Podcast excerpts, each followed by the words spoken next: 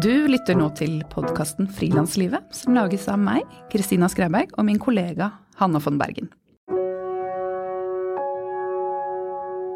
Denne episoden er sponset av regnskapsprogrammet Fiken.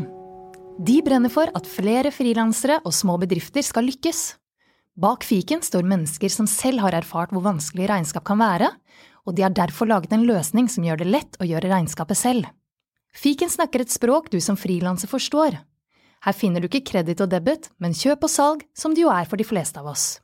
Du tar bilde av kvitteringene dine og registrerer kjøp og salg, så lar du fiken ordne ting som moms og skattemelding.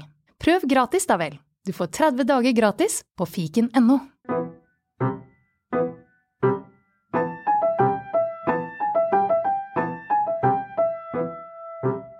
Ettersom vi er frilansere selv, så kommer vi til å dele en del fra vår egen hverdag i forskjellige episoder. Men jeg tenkte det er greit med en liten sånn introduksjon til hvem vi er.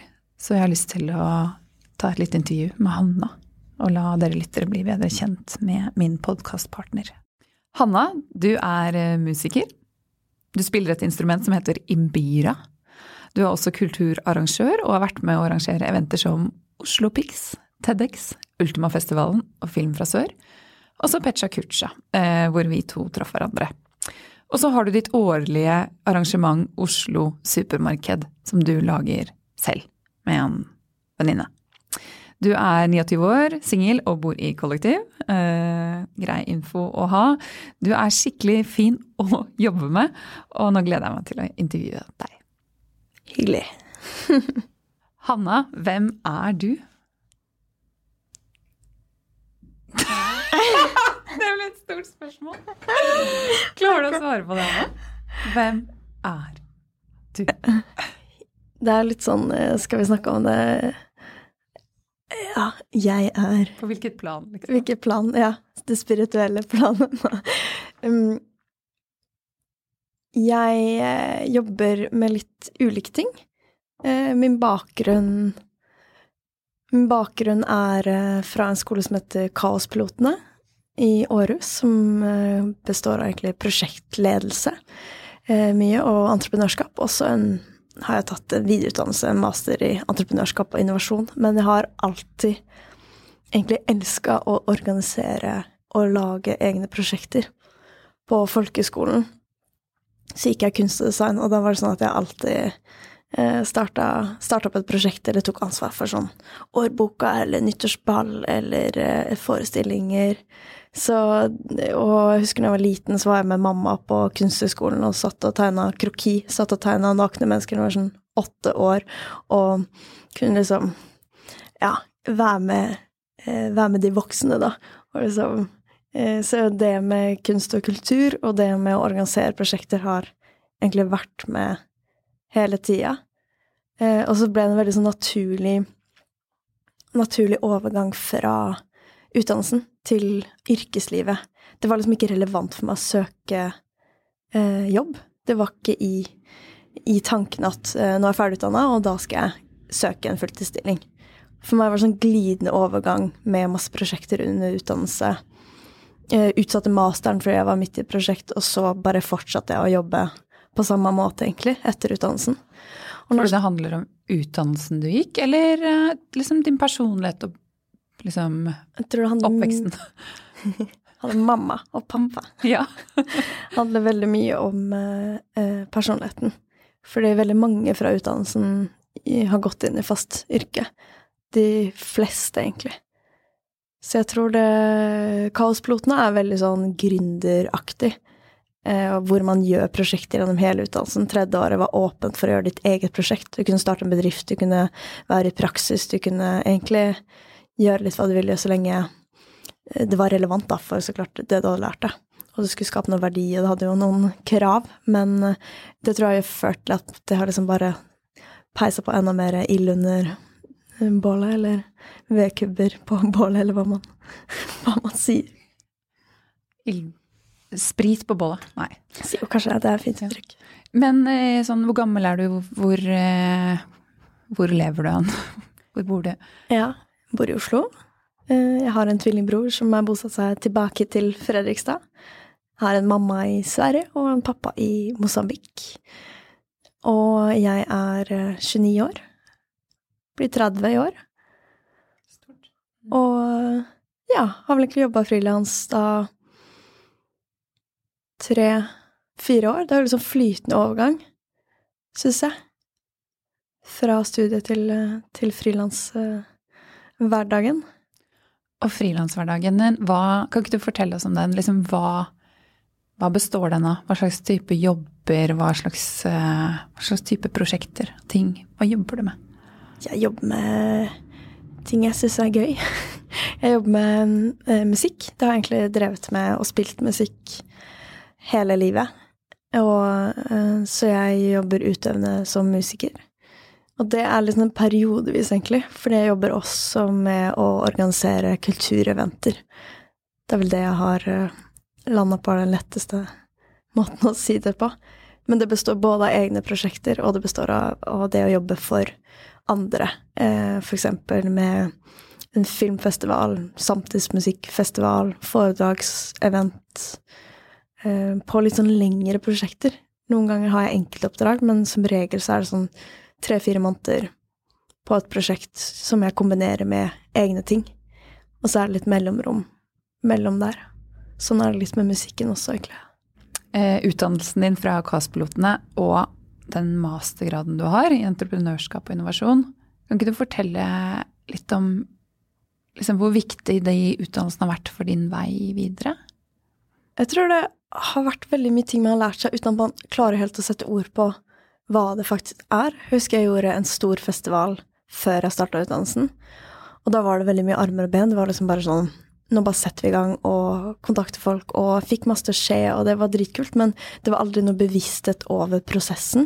Det var aldri sånn Ok, nå er vi i researchfasen, og uh, nå er vi der, og dette trenger å skje, og man hadde aldri et overblikk over Hva skal man si Både ja, prosjektet, da at det er en del som er økonomi, det er en del som er markedsføring, det er en del som er konseptutvikling og innhold, booking, altså Jeg tror man bare Man bare gjorde masse ting, og så hadde man ikke det metaperspektivet, og det tror jeg skjedd, har vært veldig stor forskjell.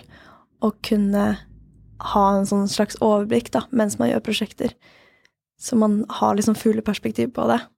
Det har faktisk vært sånn veldig viktig læringspunkt som bare sniker seg inn i at man gjør det mye og får noe teori og klarer å se det, se det i, i, faser, da. Mm. Altså, jeg som jobber med deg nå, tenker jo at du er et eh, funn.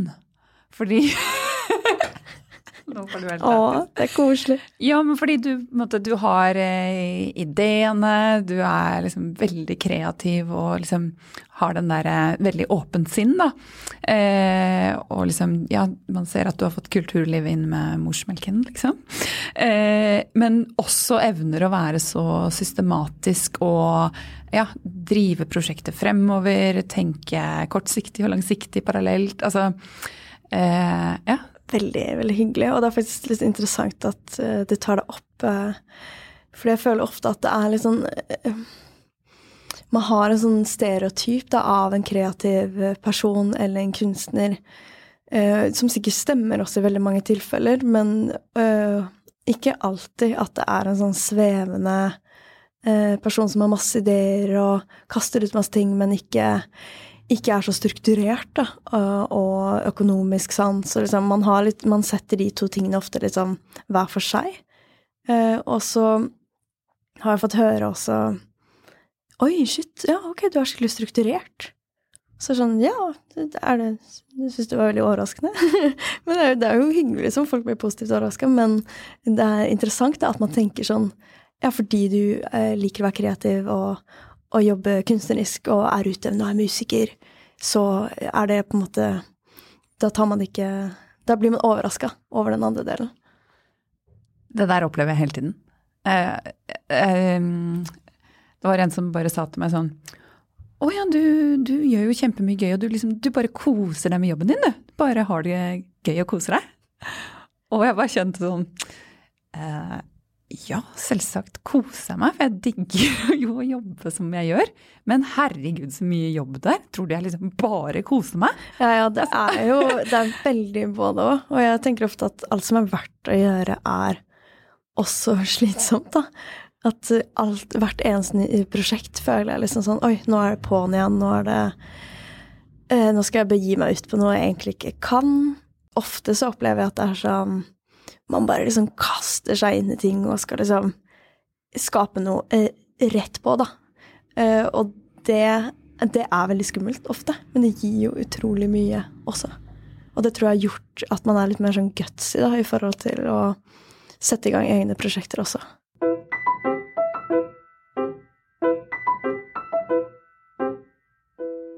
Hvordan bestemte du deg for å frilanse? Du sa liksom at du aldri vurderte egentlig å søke ny jobb. Men visste du liksom tidlig at du ville liksom jobbe for deg selv? Nei. Jeg har vel faktisk søkt jobb når jeg har vært skikkelig sånn skrapa økonomisk. Da har jeg vært sånn nei, fy faen, frilanservesen, ass. Det er mye pain. Og da har jeg kanskje søkt jobb. Um, men jeg tror det med musikken og det med egne prosjekter har gjort at det har føltes ut som litt sånn Som jeg, å gi avkall på ganske mye også ved å ta en fulltidsstilling. Jeg har savna det å ikke kunne bruke all tid på å liksom fokusere på, eh, på ett mål, da. Eh, på ett sted. Men samtidig så er det helt fantastisk å kunne kombinere. Å kunne stikke på en tysklandsturné og så jobbe med en filmfestival. Og så lage musikk til en ny sirkusforestilling, og så lage podkast. Og man gir avkall på eh, en del, eh, med trygghet og økonomi. Eh, som Så målet er jo å fortsette litt i samme dur, men uppe Uppe, hva skal man si, lønninga. Godt mål. Mm. Hva er det aller beste med å frilanse? Jeg tror det er noe med eierskapet til, til jobbhverdagen. At jeg føler at jeg virkelig har tatt et valg, at dette er det, det jeg vil gjøre. Og at ja, det er liksom Det er så langt bort fra liksom en offerposisjon man kommer seg, da. Selv om man kan være litt sånn å, stakkars oss med dårlige rettigheter og for ingen person, har ikke noe sykeforsikring, har dårlige lønninger. Samtidig så er det veldig sånn Nei, det er et så uh, For min del, jeg vet at mange er frilansere uten at det er selvvalgt. Men for min del så kjennes det virkelig ut som en frihet. Mm. Men hva er det kjipeste, da? Penger. Det er jo Jeg syns det. Um, fordi det å kaste seg rundt og hele tida ha nye prosjekter og nye personer å forholde seg til, syns jeg egentlig er en veldig morsom del av det. Og utrolig lærerikt. Og jeg ser veldig mye synergieffekter med å jobbe på ulike prosjekter eh, som tilsynelatende ikke har så mye med hverandre å gjøre, men så plutselig eh, flettes de sammen, da, og noe man har lært et sted, er veldig eh, relevant i et annet prosjekt. Men akkurat det med Sånn som i fjor, så var jeg ferdig med et prosjekt i slutten av november, og da eh, er det veldig vanskelig å skaffe For det første gå rett inn i en annen jobb. Da er man gørrsliten etter sånn høyintensivitetsprosjekt, en filmfestival. Og det å da liksom finne jobb 22. november eller de to ukene før folk tar ferie i desember, er kjempevanskelig. Og da må jeg på en måte ha en buffer som gjør at man har penger i de månedene man ikke har jobb. Og det er skikkelig slitsomt. Og da komme ut på andre siden og være helt skrapa. Tenke sånn Yes, nå har jeg liksom økonomisk stabilitet, jeg har en god buffer. Og så bare Nei, nå har jeg ingen penger, for jeg har brukt opp alle på ikke å ha lønn. Og så når man begynner å jobbe igjen, da, så blir det ofte 150% i flere måneder. Fordi man må liksom veie opp for den eh, minusperioden. Eh, så det er liksom det må bli en forandring, ellers så tror jeg ikke Ellers så blir det for intenst i lengden. Men er det mulig å liksom legge opp et løp hvor du etter den jobben i, på høsten, når november kommer, så kommer det en ny? Eller er det vanskelig å planlegge? Nei, sånn. egentlig så jeg tror det går å planlegge, men det er noe med eh, kapasiteten man har. Fordi man gir alt, da. Og hvis det er type en festival eller et prosjekt hvor du har ti dager eh, gjennomføring, da, da er man, man jobber jo utrolig mye. Man jobber masse timer, for det første. Og så er man kjempesliten etterpå. Eh, så ja, man kunne gått inn i et prosjekt rett etterpå, men jeg tror lengden så hadde man blitt helt utbrent. Så man trenger de mellomperiodene for å hente seg inn. Og for å kunne gjøre det, så må man egentlig ha god nok lønn som dekker de mellomperiodene også. Absolutt. Eh, fordi hvis du er fast ansatt, så har du avspasering da. Men da har du ikke som frilanser. Så man må liksom sørge for at som i frilanshverdagen så blir det som sin avspasering, da, fordi man har jobba overtid tidligere. Det syns jeg du skal liksom kommunisere med oppdragsgiverne dine. jeg, jeg har forhandling ti ganger i året. Ja, du har det, ja. Hele tida. Så jeg har gått opp eh, mye siden jeg starta. Det er tredje runden. Eh, så da jeg upper hele tida lønna. Men det er jo litt sånn i kultursektoren eh, det her hvor mye skal en som er på engasjement, få betalt versus den fast ansatte? Hvor mye penger fins til rådighet? Hva Sånn som jeg søkte, var det 50 andre søkere hvor mye forhandlingsgrunnlag har man? Man føler vel kanskje ofte at eh, Vi gjorde jo en spørreundersøkelse hvor folk svarte på spørsmål angående frilanslivet, for å få litt sånn innsikt i hva folk ville høre på. Og da var det noen som sa noe som jeg følte veldig Altså resonnerte veldig bra med meg. Og de sa at, eh, at de følte at hver, hvert nytt prosjekt så måtte liksom inn og bevise det de allerede kan. Og til og med når jeg har vært i samme, eh, samme selskap, men det har vært to ulike ledere på to ulike prosjekter, så føler jeg også da at jeg må inn og liksom bevise at, at det her kan jeg.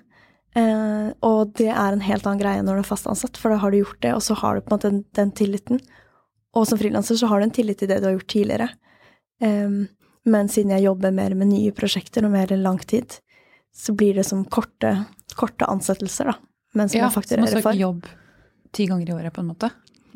Ja, litt. Men så har jeg jo noen prosjekter jeg jobber for uh, som dekker kanskje halvåret, og så gjør egne prosjekter og enkeltoppdrag imellom. Og jeg liker veldig godt den måten å gjøre det på. Uh, men det er veldig deilig når man har vært en runde og er med en runde til. Eller at du f.eks. skriver en artikkel, og så skriver en artikkel for samme avis, at de vet hva du er god for, da. For det er ikke like lett å se prosessen ligge bak i forhold til at man er i et team på en festival. Så kan jo de enkeltmenneskene som har jobba med meg, gå god for meg. Men uh, kanskje man kommer inn et nytt sted, så har de sett festivaler, men de har ikke nødvendigvis sett ditt arbeid så tydelig.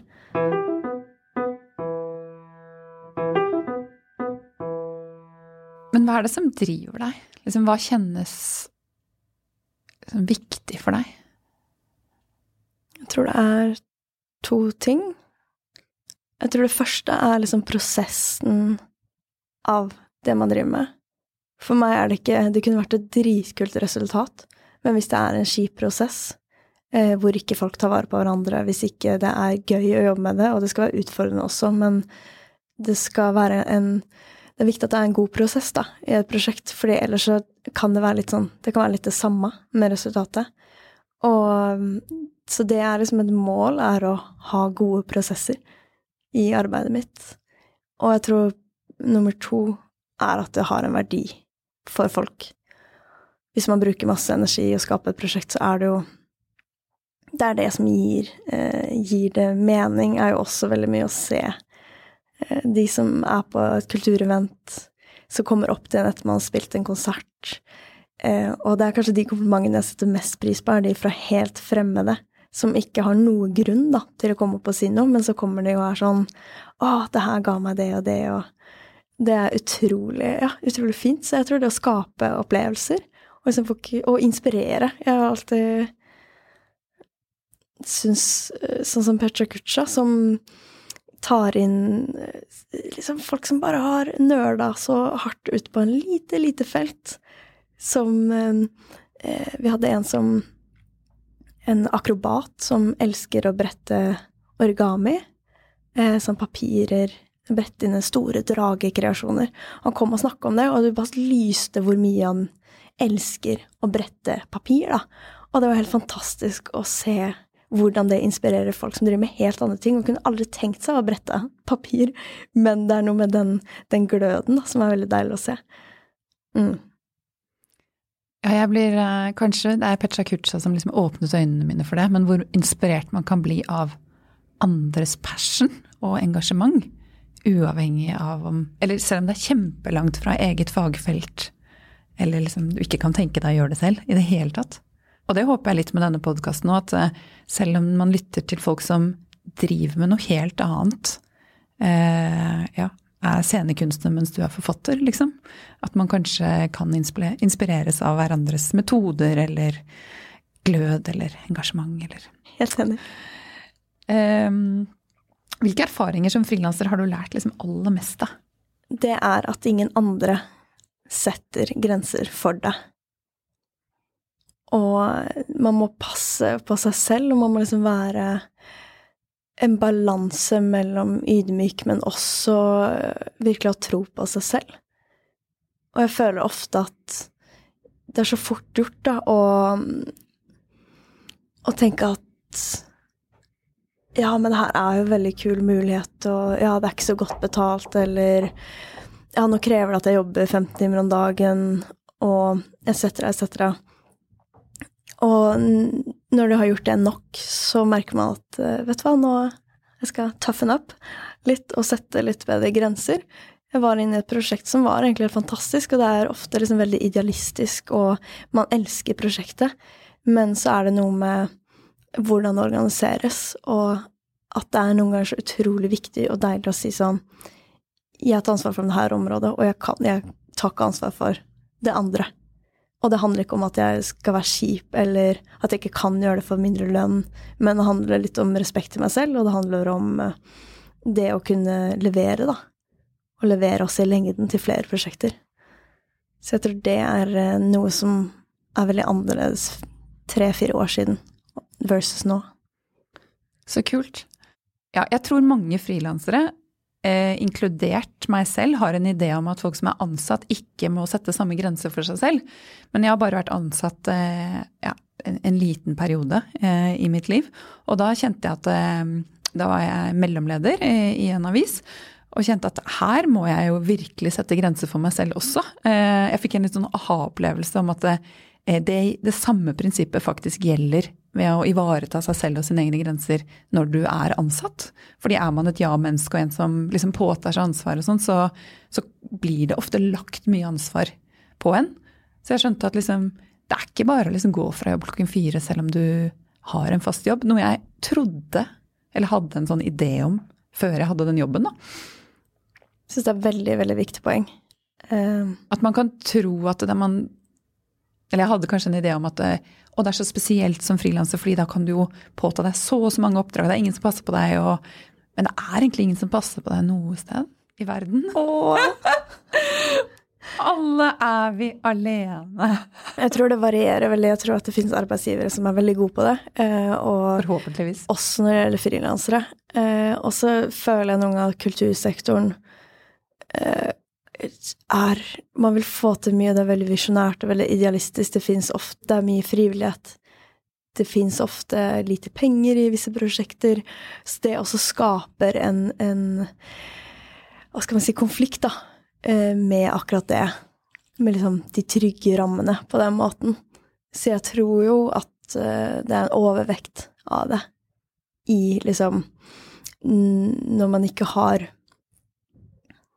den grunnen å stå på, da. Når du er fast ansatt, så har du kanskje litt mer eh, stabilitet. Du skal ganske mye til kanskje for at du blir sparka. Eh, men som frilanser så er det jo bare at kanskje de ikke ansetter deg neste gang. Så sånn sett så er det jo litt vanskeligere å stå opp og virkelig kreve, kreve ting, da. Og så er hverdagen så varierende at du eh, i perioder kanskje tenker at eh, nå bare kjører jeg på og tar alt jeg får, og fordi kanskje de neste månedene er stille. Mens i en jobb så vet du jo på en måte at jeg, jeg kommer til å gå til jobben eh, om en måned òg. Mm. Så det er mm. ikke svart-hvitt, men vi kan vel si at det er litt grått. Det er litt grått, ja. Blågrått. Du spurte meg i stad også eh, hva jeg har lært. Og jeg tror en ting som har forandra seg veldig mye, er når jeg var yngre, eh, så tenkte jeg veldig på det her. Jeg hadde litt sånn Jeg eh, Hva skal man kalle det? Når jeg var yngre, så tenkte jeg på en livsstil hvor Altså at man er liksom veldig kul når man gjør veldig mye. Kanskje sover lite. 'Å, jeg jobba 15 timer i dag, og jeg er sånn frilanser som svever rundt og alltid er tilgjengelig. Jobber på kafé.' Jeg hadde litt mer sånn et uh, Idoliserte kanskje det mer da da jeg var yngre som en sånn frihetsideal eller bohem. Og nå eh, når jeg eh, har holdt på en del år, så ønsker jeg jo Jeg ønsker å være frilans, men jeg ønsker meg liksom trygghet, jeg ønsker meg pensjon og de her rettighetene. Jeg ønsker ikke å være tilgjengelig hele tida. Jeg ønsker at jeg kan liksom koble av og koble på på en helt annen måte. Og eh, ja, jeg jobber helgene, men helst skulle jeg hatt fri i helgene. Så jeg tror det også har forandra seg veldig mye, hvor, hva jobb er for en, da.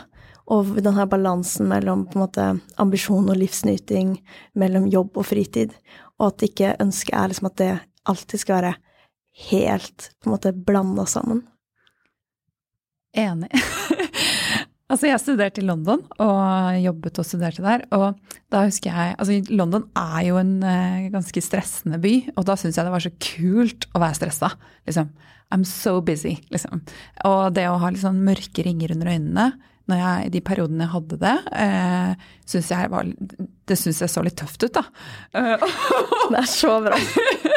og si sånn Yeah, I've been working on this magazine. We sent it to print like four o'clock last night. I've been working like 20 hours. Og liksom eh, work hard, play hard. Det, det, var liksom det som var idealet. Og det er jo litt sånn gründermentaliteten. Det kommer litt fra det òg. Det kommer liksom fra at å, det, du har sykt mye passion, du er ambisiøs, du gir alt. Det er veldig mye positivt som er eh, på en måte forbundet, forbundet med det. Ja, forbundet ja. med det. Mens nå er mitt ideal å være i balanse og ikke være stressa. Ja. Og uthvilt, ha sovet. Uh, ja. Hvordan klarer du Jeg syns det er kanskje vanskeligst, å ikke være stressa. Det er utrolig stor utfordring syns du virker veldig lite stressa. Ah, ja, vet du hva, det er noen ja. på jobben også som var mm, på, i filmfestivalen som har sagt det. Du er så avslappa. Tenker sånn, Å, herregud, så deilig at det er det som det virker utad, men innad. Så altså, stress? Ja. drømmer så mye om jobb. Hele tida.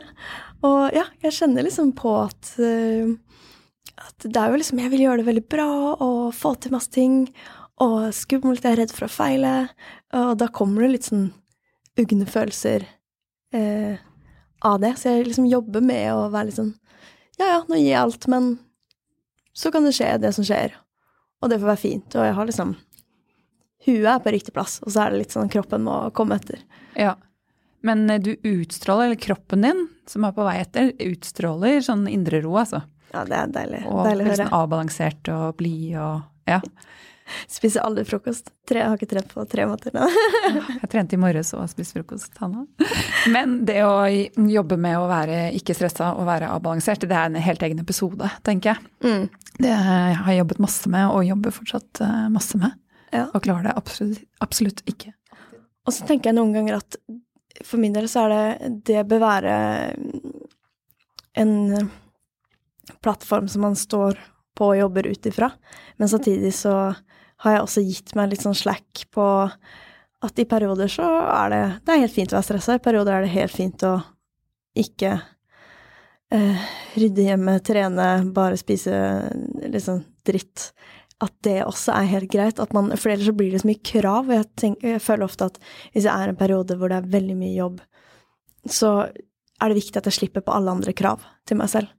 Ellers så blir det for mye, og ellers så skal man liksom være et perfekt menneske på alle plan.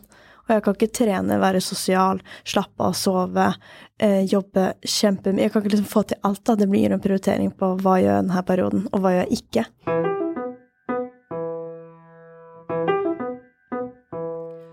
Hanna, du spiller jo et instrument som heter mbira. Eh, et instrument som er fra Zimbabwe. Hvordan endte du opp med å spille akkurat det instrumentet? Hmm. Ja, det føles eh, noen ganger litt sånn tilfeldig ut, eh, samtidig som det Ja, jeg har bare Det passer meg veldig godt, da. Jeg liker, liker det veldig godt. Det starter egentlig med at jeg spiller piano, som er mitt hovedinstrument. Og når jeg var 19 år, så bestemte jeg meg for å flytte til Skottland. Jeg tenkte at jeg ville ut på enetur. Og så valgte jeg egentlig bare Skottland fordi jeg syns de snakker så pent. Så tenkte jeg ok, litt ut på eventyr. Og så dro jeg alene, så jeg var litt sånn Hm, det er jo hyggelig å ha, ha med noe? Ja, ha med noe. Ha med en liten følgesvenn. Eh, og så hadde pappa da en mbira, som det instrumentet heter, hjemme hos seg. Fordi mm, på kulturskolen i Fredrikstad så lærte jeg ulike eh, musikere både fra Zimbabwe og Mosambik hadde liksom utveksling til kulturskolen og lærte bort instrumenter. Så kulturskolen i Fredrikstad har veldig mye marimbaer og mbiraer, som det heter. Hva er en mbira?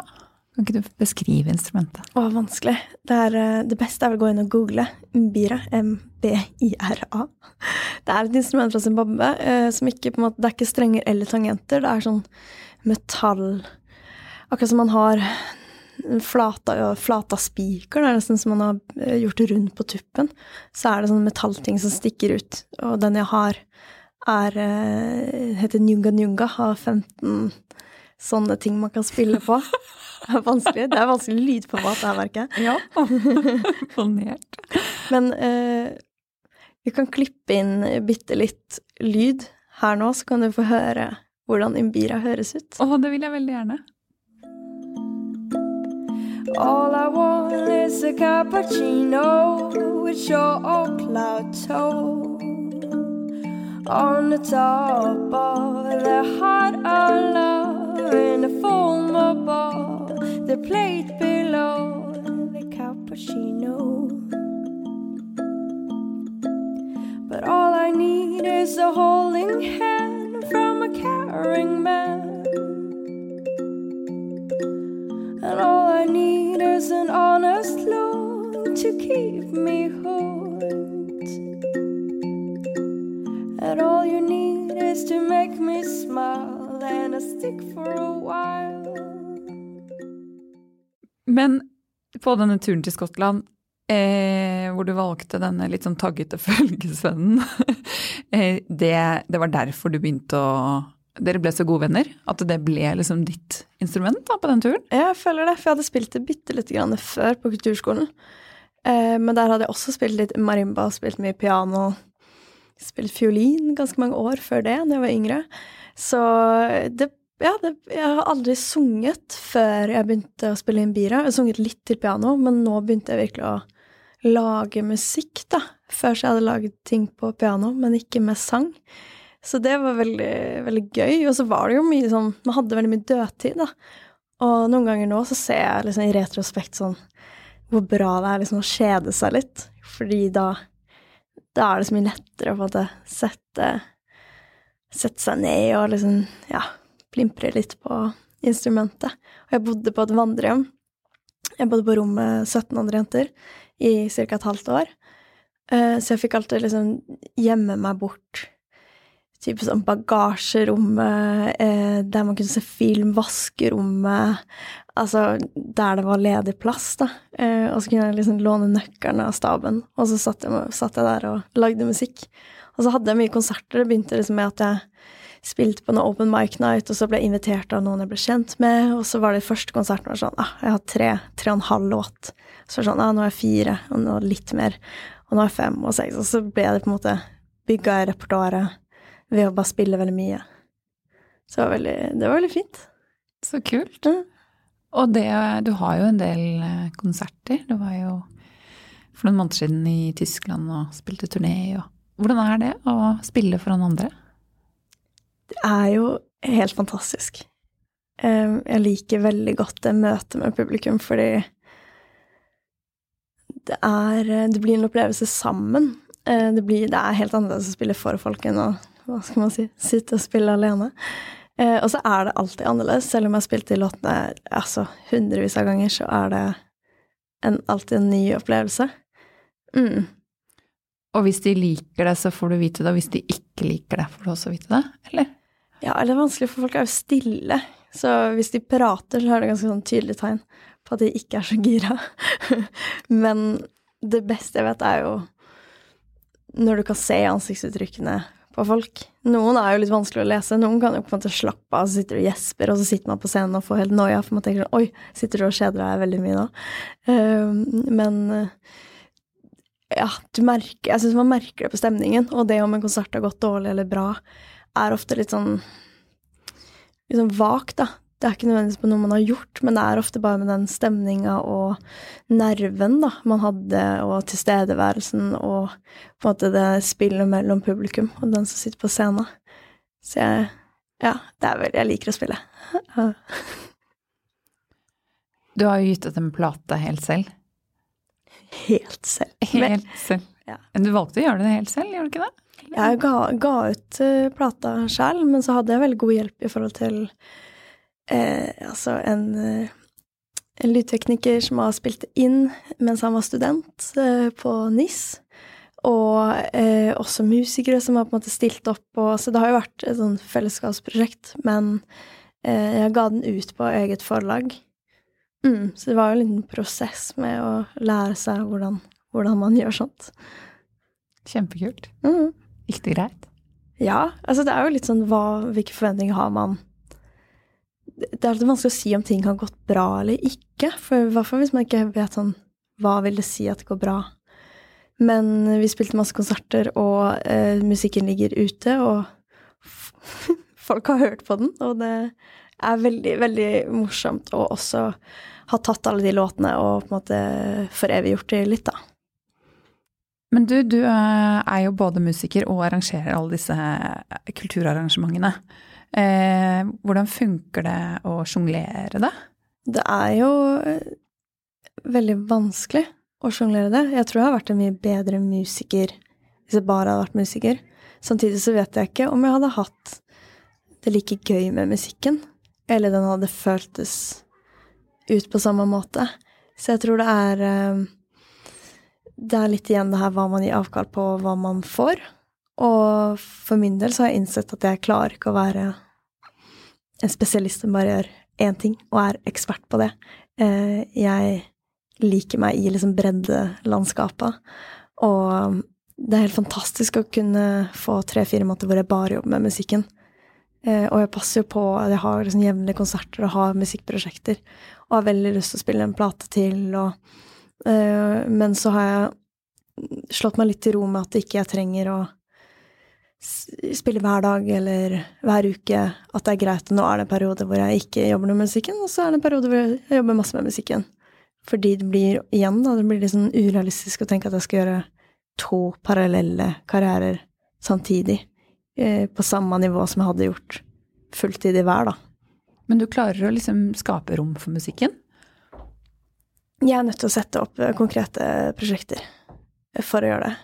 Jeg liker ofte at det er en konsert, at jeg på en måte vet at nå skal jeg på scenen. Og da setter jeg meg ofte ned og skriver og øver og eh, på en måte legger ned tid på det. Jeg syns det er vanskelig om jeg ikke, om jeg, at jeg vet at det ikke skal vises for noen, eller skal bli til noe. Spille inn en låt eller dra på en turné. Hvis det bare er sånn nå skal jeg sitte hjemme og spille for meg selv, og holde det ved like. Da er jeg veldig dårlig på å, å uh, finne tid og rom til det. Så du både på en måte setter opp forpliktelser, og det kanskje motiverer deg ekstra å skulle lage det for et publikum? Ja. Mm. Forpliktelser er nok uh, litt av nøkkelen der, ja. Men eh, Hanna, har du noen sånne konkrete metoder for hvordan du strukturer, strukturerer din uh, hverdag? Veldig mange. Jeg er veldig Jeg er en skikkelig sånn strukturnerd. Og jeg tror det er fordi jeg jobber med mange ulike ting parallelt veldig ofte. Og da orker jeg ikke å gå og tenke på hva er det jeg skal huske på, og hva var viktig i det prosjektet, hvor er jeg nå der, og Så jeg forholder meg ganske sånn slavisk til et sånt to do-program som heter Omnifokus. Eh, hvor man eh, kan lage inn ulike prosjekter og ulike lister. Eh, og det fungerer veldig godt. Og så har jeg veldig eh, struktur i kalenderen, og så har jeg til og med et eh, program som heter Timely, hvor jeg fører alle timene, for også å se hvor mye timer bruker jeg på administrasjon eller eh, egne prosjekter eller musikken. Og det også gir meg litt sånn realitetsorientering på det med lønn og forhandling. Og det å kunne si sånn Vet du hva, sist gang jeg arrangerte det markedet, så brukte jeg 100 timer. Og da vet jeg mye mer sånn Da kan jeg kutte ned på timene, eller så kan vi jobbe med å få inn mer penger. Men hvis jeg ikke har noe bevisst forhold til, til det, så er det litt vanskelig å gjøre det bærekraftig, da, i lengden. Og ulempen er jo at man blir kanskje litt sånn Det er litt slitsomt å vite hvor mange timer man faktisk har brukt. Det kan jo også være litt deprimerende å være, ha så rigid forhold til det. Men det er veldig effektivt når man skal tenke økonomi eh, i prosjekter, egne prosjekter og forhandlinger.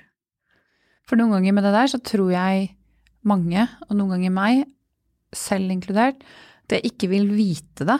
For hvis jeg først vet det, eller er så klar over hvor, den, hvor dårlig lønna er i forhold til innsatsen, så kan jeg ikke fortsette sånn, og jeg har lyst til å fortsette sånn. Så er det best å liksom bare lukke øynene. Ja. Men det gjør jo at man ikke kan liksom løfte det, da. Eh, altså det er jo bedre å vite det, sånn at man kan liksom gjøre noe med det. Ja, og så har jeg, tror jeg jobba så lenge, så mange timer. Eh, og så kanskje man ikke tenker over det, for det blir liksom en livsstil. Men så blir man plutselig sånn Men hvorfor er det så lite tid til Hvordan får andre folk til å trene? Når er det de gjør det på dagen? Oi, hvor, hvordan Norsk må være sosial Altså, jeg tror også det er sånn Det har virkelig gitt meg litt sånn eh, Konfrontert meg litt med eh, hvordan frilanslivsstilen er òg, da. Og at det ikke er bærekraftig. Livskvalitet, rett og slett. Ja, og noen ganger så elsker jeg å jobbe. Jeg satt jo i påsken og jobba masse med podkasten, og det er jo Kose meg. Kose meg masse med det. Eh, men så er det noe med å Man gir Ja, det er jo Vite hva du har i brukt av tid, liksom. Ja, jeg vet ikke. Og så syns jeg, jeg synes en del av det er veldig gøy òg. Det er en grunn til at jeg gjør, gjør det og skriver det her liste. Jeg elsker Jeg syns det er kjempemorsomt å holde på sånn med kalenderen og tider og to do-lister. Og så blir jeg veldig god på å Når jeg ikke jobber med et prosjekt, så går jeg ikke rundt og uh, tenker på alt jeg skal gjøre, for jeg vet hva jeg skal gjøre. Jeg kan kanskje tenke på prosjektet, men det er ikke noe sånn Oi, hva burde skje nå, eller hva har jeg glemt, eller Det er aldri sånn type stress, fordi jeg vet at de tingene har jeg på en måte skrevet ned, da. Og det syns jeg også gir en sånn trygghet. Men hvor mye tid bruker du på å strukturere? På å være inne i disse programmene? Ja, jeg vil argumentere for at jeg bruker mindre tid enn tiden jeg hadde brukt på å skulle, hver gang jeg setter meg med et nytt prosjekt, da, eh, skulle huske på liksom Hvis jeg jobba tre dager med et annet prosjekt, og så setter jeg meg ned fjerde dagen tilbake på et prosjekt, og så skal jeg begynne å huske liksom ta opp alle trådene. Det er noe med det. Jeg tror det er lettere å skifte mellom prosjekter når man har gode systemer. For ellers så bruker man veldig mye tid på å komme inn i det igjen. Hvordan har du funnet ut liksom, hvilke systemer som funker for deg? Å, jeg har prøvd ut masse. Og lest masse. Og gått på, uh, gått på sånn forum og liksom øh, folk som tester ut masse ulike apper, og snakka med venner som jeg vet sånn Hva er det beste mailprogrammet? Hva er den beste to do-appen? Hvilken kalender liker dere best? liksom, sånn okay, Du er en ekspert på det her. Vi må ha en egen episode hvor du anbefaler forskjellige programmer for å strukturere. Så du koser deg med det? Mm, veldig. Jeg gjør det. Deilig. Det tror jeg. Du er så nerd. Tusen takk for at du ville komme og snakke med oss, deg og meg, på frilanslivet. Veldig hyggelig å komme på besøk eh, i denne podkasten. Ja, til Spaces, som eh, er så greie å sponse oss med lokaler.